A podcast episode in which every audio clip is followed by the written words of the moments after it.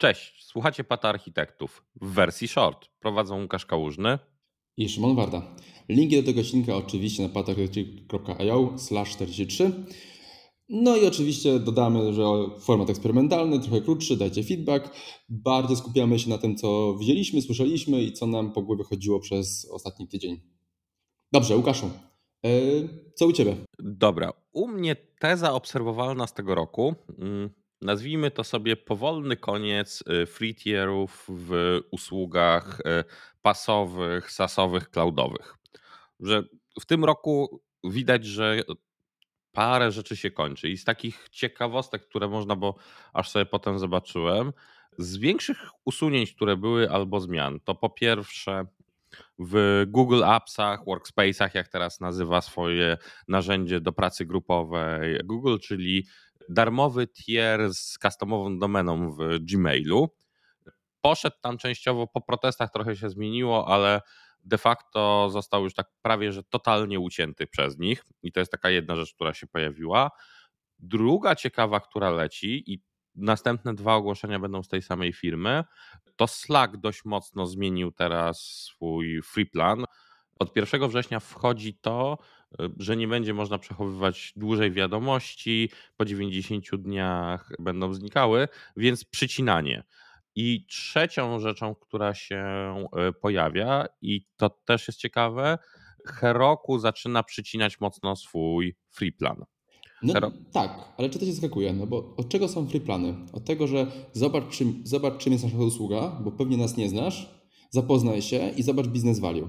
Czy Slacka, Google Appsy trzeba już komukolwiek przedstawiać? Nie, wiesz co, właśnie, czy, y, w zależności jak patrzeć na Discorda, bo czy Slacka powinniśmy porównywać z Teamsami bardziej, czy też z Discordem wszystko to dość mocno, to zależy od punktu widzenia, więc tak hobbystyczne rzeczy bardzo mocno przycina. Z Heroku chyba właśnie też o tyle, bo co ważne, Slack i Heroku należą do tej samej firmy, do Salesforce'a. No, to tego nawet nie wiedziałem. Tak. To wszystko usługi, które do Heroku też jest długo na rynku. Są wszystko usługi, które znamy i które po prostu tego free tiera nie potrzebują tak naprawdę. Czy wiesz co? Prosto. I to zmieniają się warunki rynkowe, bym powiedział też. Znaczy Heroku, Heroku było ciekawe, bo przez wiele lat stanowiło dla wszystkich jako do proof of conceptów y, MVP jako pierwszy wybór. Jeżeli nie tak. programowałeś w Javie albo w .NETie, tylko w Rabim, Pythonie, Node, to ta platforma była bezproblemowa. I jest, Zgadza się jest bezproblemowa. Mieli w tym roku swoją mocną wtopę, kiedy GitHub ich odciął za wyciek tokenów i nie można było deployować, ale to już e, inna rzecz. Nie, ale ciekawostka, że one będą właśnie teraz, prawdopodobnie te w, w innych usługach też zobaczymy pewnie cięcie, bo patrzymy coraz bardziej na marżę i efektywność tego i ten próg, to co powiedziałeś właśnie, próg znania rynku jest bardzo wysoki już tak. w wielu miejscach. Ale to bardzo też fajnie pokazuje, Przechodzimy teraz płynnie do mojego linku. E, u mnie znowu co innego. E, o tym, że revenue, czyli zyskowność tak naprawdę z usług chmurowych jest poniżej oczekiwań na, na obecny kwartał. Nie spadła, nie jest na minusie, tylko jest poniżej oczekiwań. Jest super fajny komentarz Satya Nadeli odnośnie tej całej sytuacji. On skomentował to tak, że to nie jest taka sytuacja, że klienci wycofują się z chmury. Nie. Oni po prostu, cały Microsoft widzi dużo więcej ruchów w kierunku optymalizacji tego, co jest i optymalizacji kosztów, jeżeli chodzi o przenoszenie rzeczy i no, pracę wokół tego. Czyli jak on to ładnie y, nazwał, że ludzie chcą więcej wycisnąć z chmury jako takiej. Też głównie oczywiście, nie mógł ominąć tego tematu, że no, w kontekście niepewnej sytuacji gospodarczej, bo taką mamy, nie oszukujmy się, to właściwie chmura jest może być całkiem niezłym wyborem z prostego powodu. Nie robimy dużego kosztu naraz, tylko potem możemy tę usługę sobie ładnie rozłożyć. Także tak przechodząc już konkretnie do, do co nas czeka tak naprawdę, to się wydaje mi się, że będzie nas czekało dużo większe pilnowanie kosztów, dużo więcej projektów optymalizacyjnych i dużo lepszy governance, nadzór, może tak, nad architekturą i nad kosztami, czyli hmm, może to się skończyć na czymś dobrym tak naprawdę, wydaje mi się. Czy wiesz co, tak, zobacz na przykład z naszych jakichś konsultacji w Protopii, no to w czerwcu mia, mieliśmy klienta, w którym trzeba było właśnie ściąć rachunek o połowę. Mhm. Dosłownie było powiedziane o połowę, bo się nie spina. I się okazało, że to nie był żaden, żadna straszna rzecz, bo architektura i inne rzeczy nie były upilnowane i usługi. Tak, ale nawet jak rozmawiamy w ogóle też z innymi klientami, bo tu mówisz o audycie takim nastawionym wyjątkowo na obcięcie kosztów. Kosztów, ale tak. To, jak przekazujemy cokolwiek, no to jest opcja taka, że gnanie OK, ja to będę miał koszty i jest więcej pytań wokół kosztów i takich zasadnych, które po prostu weryfikują architekturę. Nie ma takiego, a dajmy, by będzie w porządku, żeby się tym nie interesować. Także to nie jest zły obrót sprawy, bym powiedział tak. No dokładnie.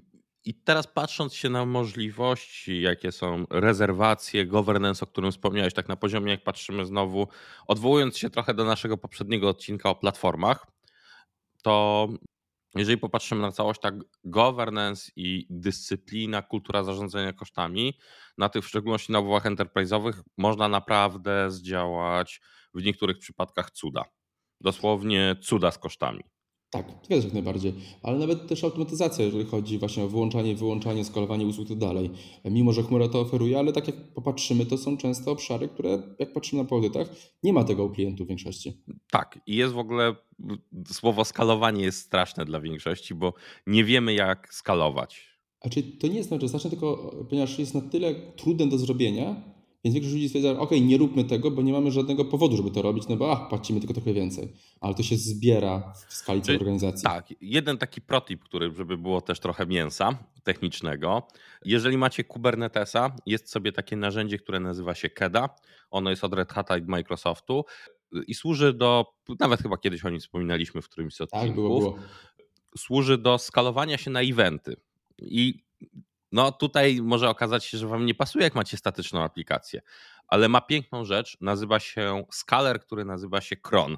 Czyli możecie zrobić sobie harmonogram i powiedzieć, że w godzinach roboczych trzymacie na przykład te trzy instancje waszej aplikacji, tak żeby mieć SLA, SLO, wszystko się zgadzało, a potem w takim Kubernetesie zmniejszacie sobie i mówicie, że w harmonogramie nocnym ma być tylko jeden pod jeżeli autoskaler do nodów macie A, włączony, okay. mhm. tak, razem z tą kedą, to nagle się okazuje, że klaster idzie spać pod kołderkę, utrzymuje aplikację tylko w takim statusie running, a z rana rozrasta się do rozmiarów tych produkcyjnych. I to jest jedna z takich rzeczy, które bardzo często mi się zdarza rekomendować i to działa, jeżeli chcemy przyciąć koszty.